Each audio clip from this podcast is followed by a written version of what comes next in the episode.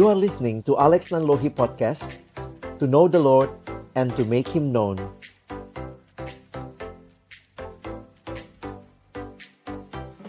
Harapan itu menarik di dalam kekristenan karena harapan kita bukan pada sesuatu, tetapi kepada seorang pribadi, yaitu Allah sendiri.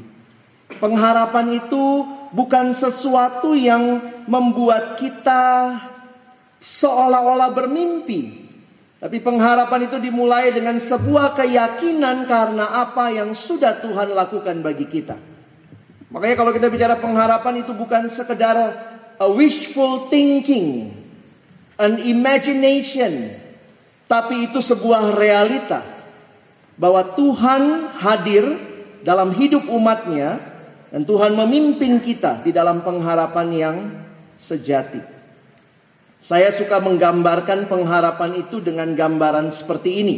Bahwa orang yang punya pengharapan itu bukan hanya bicara masa depan, Pengharapan bukan sekedar bicara masa depan apa yang akan terjadi, tetapi masa depan adalah sesuatu yang berdampak bagi hidup kita sejak sekarang.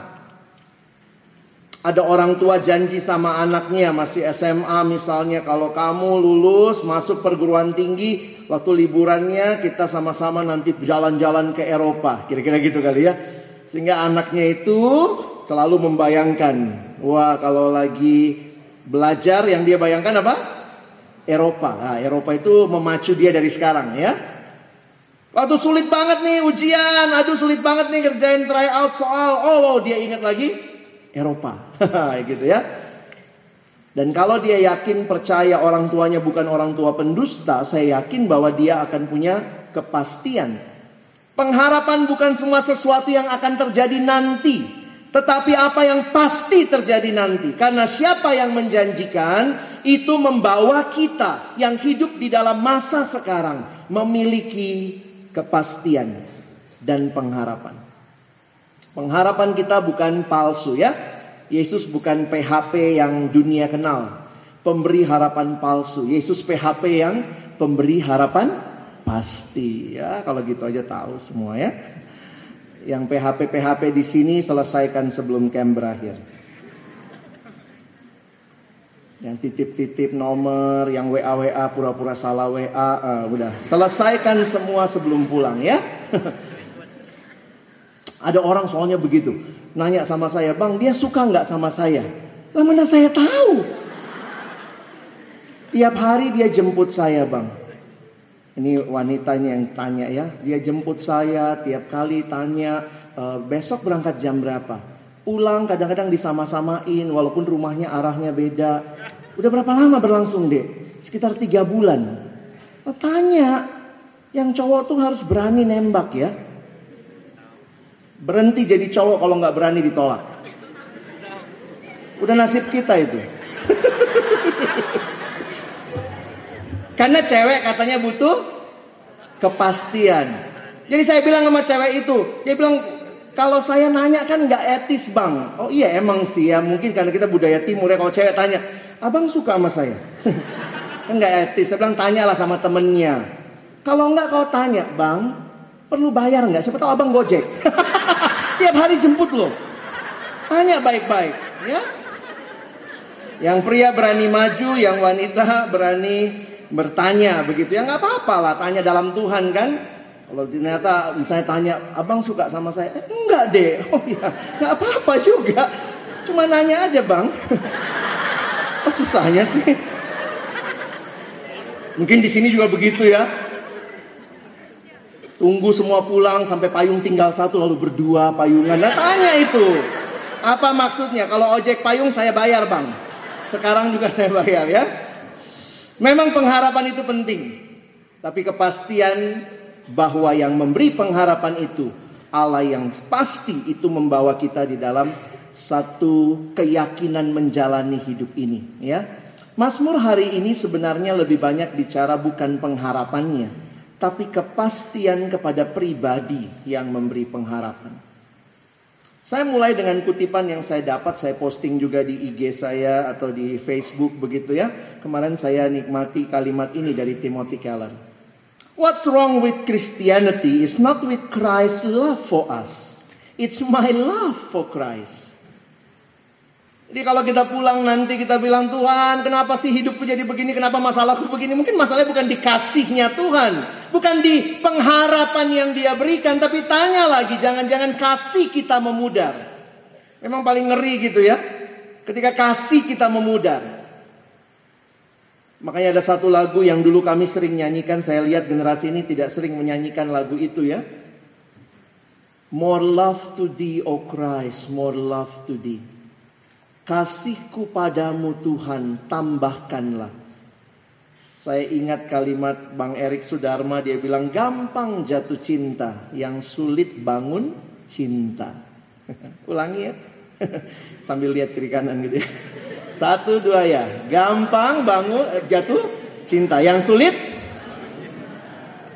Pulang kamu mau nggak bangun cinta yang makin hari makin membara kepada Allah. Pulang saat teduh lebih indah. Seperti Bang Niko bilang kemarin. Saat teduh bukan supaya bisa pertanggungjawaban kalau ditanya CO. Gimana saat teduhmu? saat teduh saya gitu ya. Kan gak enak juga kalau ditanya begitu. Tapi saat teduh karena mau mendengar Tuhan bicara apa. Kekasih jiwaku bicara. Makin cinta, Melakukan pelayanan bukan sekedar supaya memenuhi job desk, tapi saya tahu cinta Allah supaya orang kenal Tuhan. Dia kasih sedikit cintanya buat saya, saya melayani supaya orang boleh kenal Tuhan.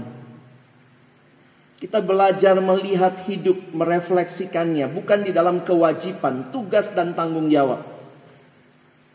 Kenapa berdoa? Program. Kenapa berdoa tiap hari? Sudah komitmen. Tapi waktu saudara berdoa, saudara sedang bicara sama Tuhan. Waktu saudara bersatu, Tuhan bicara kepada kita. Ada relasi. Itu yang indah di dalam hidup. So maybe not the Christ himself is the problem. But we always have to ask ourselves. What happened with me? Saya harap pemimpin-pemimpin PMK punya self-reflection yang baik. Periksa diri, berdoa. Kita SWOT anak-anak begini, begini, begini, nonton film porno. Wah, kita bukan nonton, koleksi bahkan. Anak-anak judi, kita bandar mungkin. Bisa begitu, ngerti ya? Yuk kita baca sama-sama Mazmur 145. Saya kasih sedikit latar belakang dulu ya. Kemarin Bang Niko bahas juga gitu. Mazmur berapa nomor? Karena Mazmur itu katanya lebih tepat disebut nomor, bukan pasal.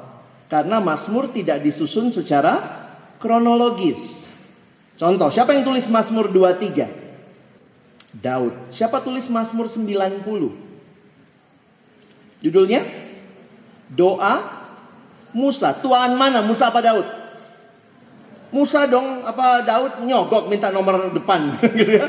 Jadi itu berarti Mazmur tidak disusun secara kronologis. Makanya beberapa ahli teologi bilang Mazmur itu seperti buku lagu, kumpulan. Jadi bukan pasal. Kalau pasal itu karena nyambung.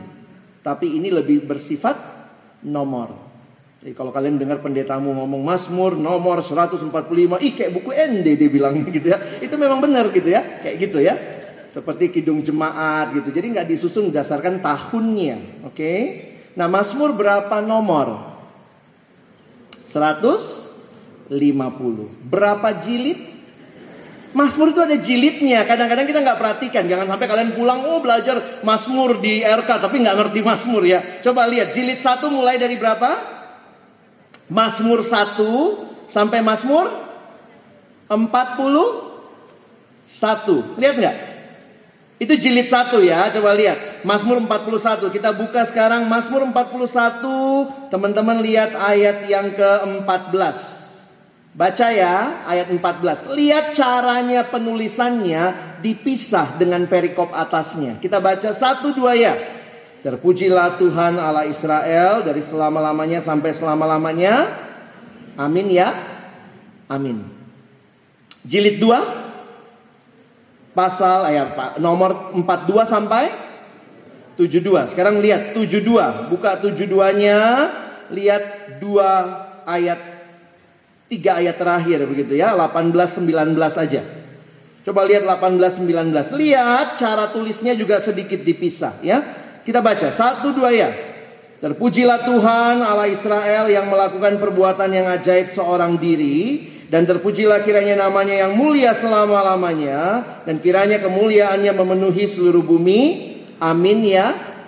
Amin. Jilid 3. Nomor 73 sampai 89. Udah ngerti polanya. Sekarang buka 89 ayat terakhir. Baca satu dua ya. Terpujilah Tuhan untuk selama-lamanya. Amin ya. Amin. Jilid 4 90 sampai 106. Yang terakhir 48. Satu dua ya. Terpujilah Tuhan Allah Israel dari selama-lamanya sampai selama-lamanya dan biarlah seluruh umat mengatakan amin. Haleluya. Wah ini kayak yang yang pikir amin ya amin salah ya. Karena bagian ini mulai masuk Mazmur Haleluya. Jilid terakhir. Nah, ya. Ayo, Mazmur 150 ayat 6, ayat hafalan itu. Satu dua ya. Eh, masih buka. Biarlah segala yang bernapas memuji Tuhan. Amin ya amin. Enggak, haleluya, ya. Indah ya, Mazmur itu disusun teman-teman. Kelihatan dan di akhir setiap jilid beberapa penafsir mengkaitkan dengan lima kitab Taurat tapi tidak banyak yang bisa membuktikan sejauh mana kelima jilid itu bersesuaian dengan lima kitab Taurat. Tapi terlihat dengan jelas penyusunan doksologi di bagian akhir beberapa jilid tadi menunjukkan ini dikompilasi. Ya, makanya tidak semua Mazmur ditulis oleh Daud.